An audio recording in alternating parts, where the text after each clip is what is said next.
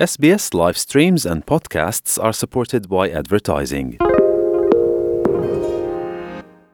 تاسې له SBS پختو سره یاست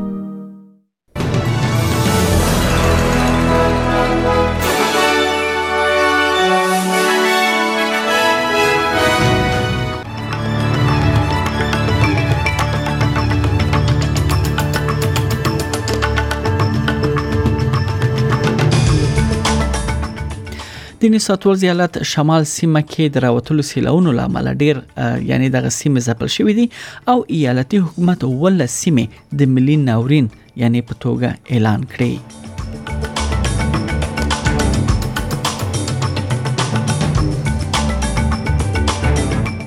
بلخوا بیا کوینزلند ایالت کې سیلاونو راوتلو وروسته تر اوسه اتو کسانو خپل ژوند لاس ورکړی دی او ګڼ شمیر نور لا درک دي د یاد ایالت چارواکي وایي د سیلاونو خطر لا اوس هم پر خپل ځای دی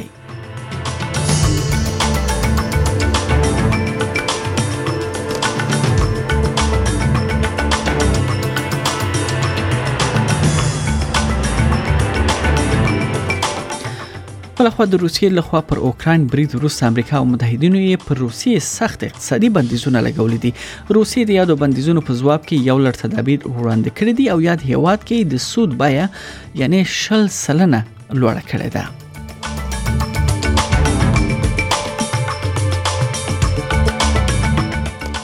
او افغانستان بنگلاديش ته د کرکټ په دریمه لوبه کې چې یو ورځنۍ لوبه و په ات په وو وکټو ماته ورکړه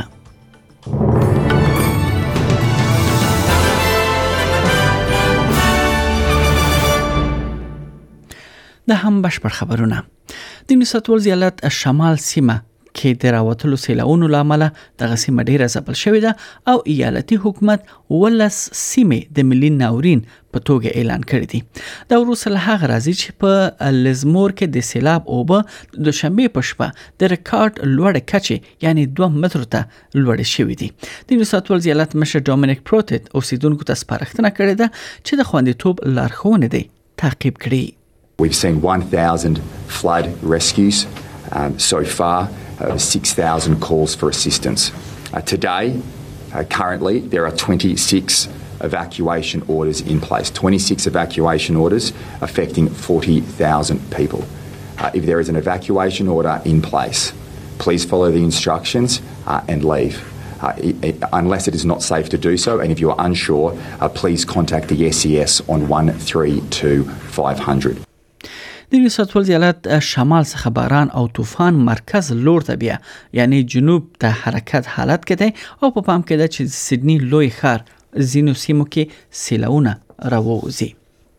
بلخوا کوینزلند ایالت کې سیلاونو راوتلو وروسته تر اوسه اتو کسانو خپل ژوند له لاسه ورکړی او ګڼ شمیر نور لا درکه دي اوس هم د یاد ایالت جنوبي ختیځې سیمې د سیلاونو اوبو لاندې پټې دي له تیر ورځې ژغورنې عملیات پیلېدو راهیسې سلګونه بن پاتې شوي کسان ژغورل شوي دي د کوینزلند ایالت مشر انستاژي پلشي ویلي دي کوینزلند او برزبن ښار په درې ورځو کې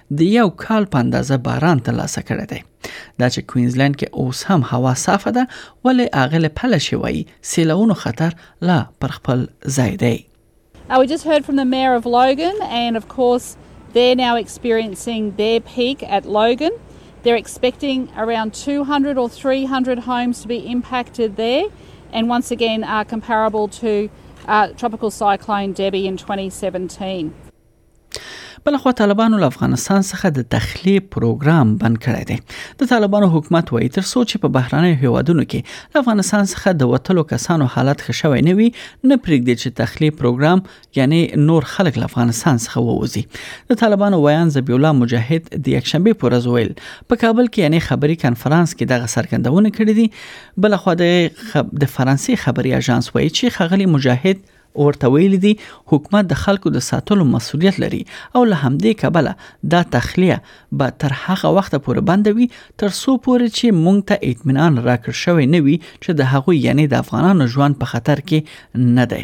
خغلی مجاهد دا نه دی ویلي چې دوی له چا او څه ډول اطمینان غواړي خغلی مجاهد په ترکیه او قطر کې د افغانانو وضعیت د بیلګې په ډول یاد کړی دی چې په خبره په بد حالت کې دوی هلته وخت تیروي. د روسیې لخوا پر اوکراین برید وروسته امریکا متحدینو یې پر روسیې سخت اقتصادي بندیزونه لګولې دي روسیې د یادو بندیزونو په ځواب کې یو لړ تدابیر وړاندې کړی دي او یاد هیواد کې د سود بیه شل سلنه ته لوړه کړې ده د مسکو سټاک ایکسچینج مارکیټ له دوه ورځو راهیسې تړل شوی دی د روسیې اوسنۍ اقتصادي تدابیر کېدای شي اوکراین ارکړي تر څو خپل ذخیره شو پیسو څخه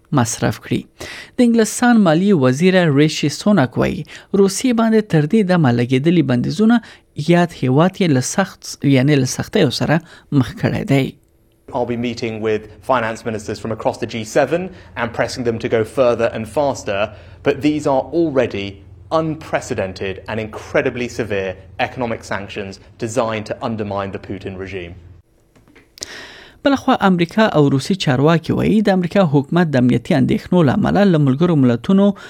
12 روسي ډیپلوماټان وباسي امریکا د روسیې د پلاوي لغړو غوښتي دي چې په غیر ډیپلوماټیکو فعالیتونو کې د لاس لرلو لامل له دغه هواده ووزي د امریکا د ماموریت مرسیال ریچارډ میلز امنیت شورا ته ویل هغه ډیپلوماټان چې مونږ د وټلو غوښتنه کړې و په هغه کې فعالیتونه یعنی په هغه یعنې په داسې فعالیتونو کې دوی ښکیل ول چې دیپلوماتیکو په توګه د دوی مسولیتونه او مکلفیتونه سره په ټکر کوو په همدې حال کې په ملګرو ملتونو کې د روسي سفیر ویسالي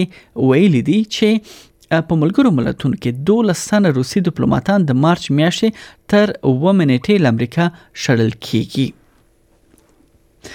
بلخوا د ملګرو ملتونو د بشري مرستو لوړپوړي چارواکي ویلي دي لږ تر لږه یو لک او شپېته زره کسان په اوکراین کې دننه بې ځایه شوي دي او د خوندیتوب لپاره تښتېدلي دي د بشردوستانه چارو لپاره د سرمنشي مرستیال مارټن ګریفټس وایي په ښاري سیمو کې هوایي بریدونه او هم جګړې مهم ملکی تاسیسات زیانمن کړي دي او د روغتیا برېښنا او بو او روغتیا ساتنې په څیر اړین خدمات ګډوډ کړي دي دا په داسې حال کې ده چې روسیې د اوکرين د خار کیف خار پر یو ګڼ میشته خاري سیمه توغندې او بریدونه وکړل چې لزګونه کسان یې پکې وجل دي او سلګونه نور یې ټپيان کړي دي خغلی ګریفټس وایي چې د جګړې په لومړی ورځو کې د ملکی تلفاتو کچه د اندېښنې وړ ده Already the upheavals in recent days are deepening a pre-existing humanitarian crisis. Eight grueling years of conflict and eastern Ukraine had already left 3 million people in need of humanitarian assistance on both sides of the contact line in the Donbass region. د ملګرو ملتونو د یو سل دیر نوي هیوادونو عمومي اسمبلۍ په اوکراین د روسي ځواکونو له یرغل وروسته په لسیزو کې د عمومي اسمبلۍ لومړنۍ بیړنۍ غونډه وکړه غونډه د ملګرو ملتونو ټولو غړو ته فرصت ورکوي چې د جګړې په اړه وغږیږي او د اونۍ په وروستیو کې یو پریکړه لیک ته رائے ورکړي تر څو روسیا د خپل اعمالو حساب وکړي په ملګرو ملتونو کې د اوکراین سفیر سرګي کیسلټس وایي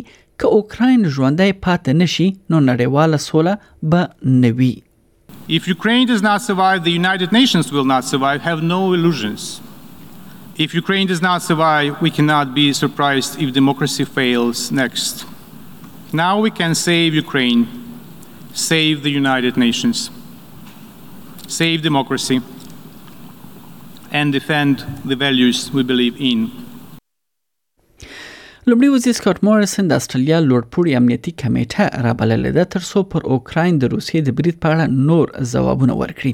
تمه کیږي چې د کابینې د ملي امنیت کمیټه نن به دا ورسای کړي چې استرالیا به د اوکراین سره کومې وژونکې مرستې چمتو کړي چې فدرالي حکومت د مخه د اشغال شوی هیواد لپاره د ناتو د اعتماد فنډ له لارې د څلور میلیونو ډالرو نظامي مرسته ژمنه کړې ده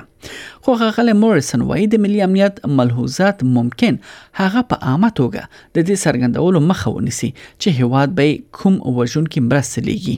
په کمبرا کې د اوکراین د سفارت مشر د استرالیا د پوځي ملاتړ هرکلی کړی دی او ویلي دي چې دا به د روسیې لخوا د لومړنیو توغندیو له بریدونو وروسته د اوکراین پاو سره سره مرسته وي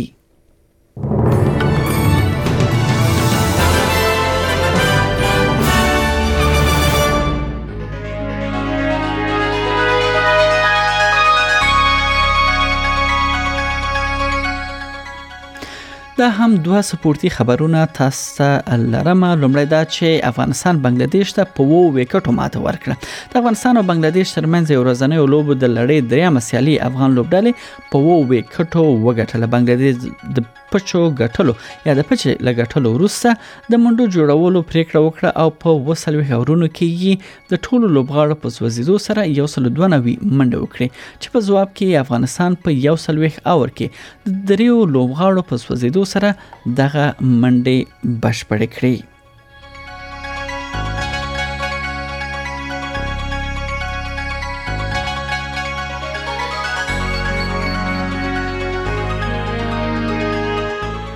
بل خبر دا دی چې له سلیریشت کلونو وروسته د استرالیا ملي لوبډله یعنی د کرکټ ملي لوبډله پاکستان ته رسیدلې ده او یو لړ لوبې به تر سره کوي ولی د استرالیا لوبډلې پاکستان ته رسیدو سره یو لوبغاړی هغه چې دی هغه له مرګ ګواښ سره مخ شوی دی چې دغه مسلې د خبرونو سټی کې هم جوړ کړل د یاد لوبغاړي میرمن ته یا داسې یو پیغام اصل شوی دی چې په هغه کې ویل شوی دی چې د استرالیا آلراونډر اشتون اګر یعنی دای به د د ژوند به په پا پاکستان کې خطر سره مخ وي او کېدای شي دای ووجل شي او د هغه اولادونو ته هم پکې ګواښ شوی دی ولې د استرالیا د کرکټ او هم د پاکستان د کرکټ چارواکو دا یو بی بنیاد ادعا ګڼل ده او ویل دي چې کوم انستګرام اکاونټ نه چې دغه لیک یا پیغام اصول شوی وو هغه هم جعلی دی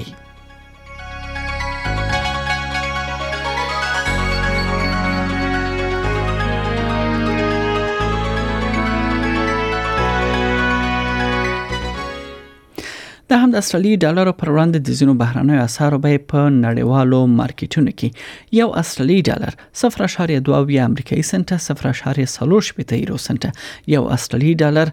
شپږ شپېته اشاریه یو شپېته افغانۍ روپۍ یو سلو اته ویشت اشاریه یو نوي پاکستاني روپۍ یو استرالی ډالر څلور پنځوس اشاریه درې شپېته هندۍ روپۍ دوه اشاریه شپږ شپېته اماراتي درهم او صفر اشاریه څلور پنځوس انګلیسي پنسه ارزښت لري د همدا سولیت د ځینو ښارونو نن لپاره د تودوخه تر ټولو لوړ درجه هغه هم د سانتیګریډ په کچه سیدنی کې هوا یعنی بارانی ده او د طوفان اټکل هم ده او لوړ درجه تر ټولو یعنی 3 سانتیګریډ اټکل شوې ده په ملبون کې هم هوا باراني ده لوړه درجه شپږ سانتیګریډ اټکل شوې ده په برزبن کې هوا اسمان برګ د 33 په پرت کې اسمان برګ 22 په اډلېډ کې هوا باراني د 40 په هوبرټ کې هوا باراني 21 په کمبيرا کې هوا باراني درویش او په اخر کې ډاروین هلته د باران او د طوفان اټکل دی او د تودوخې تر ټولو لوړه درجه 2 سانتیګریډ اټکل شوې ده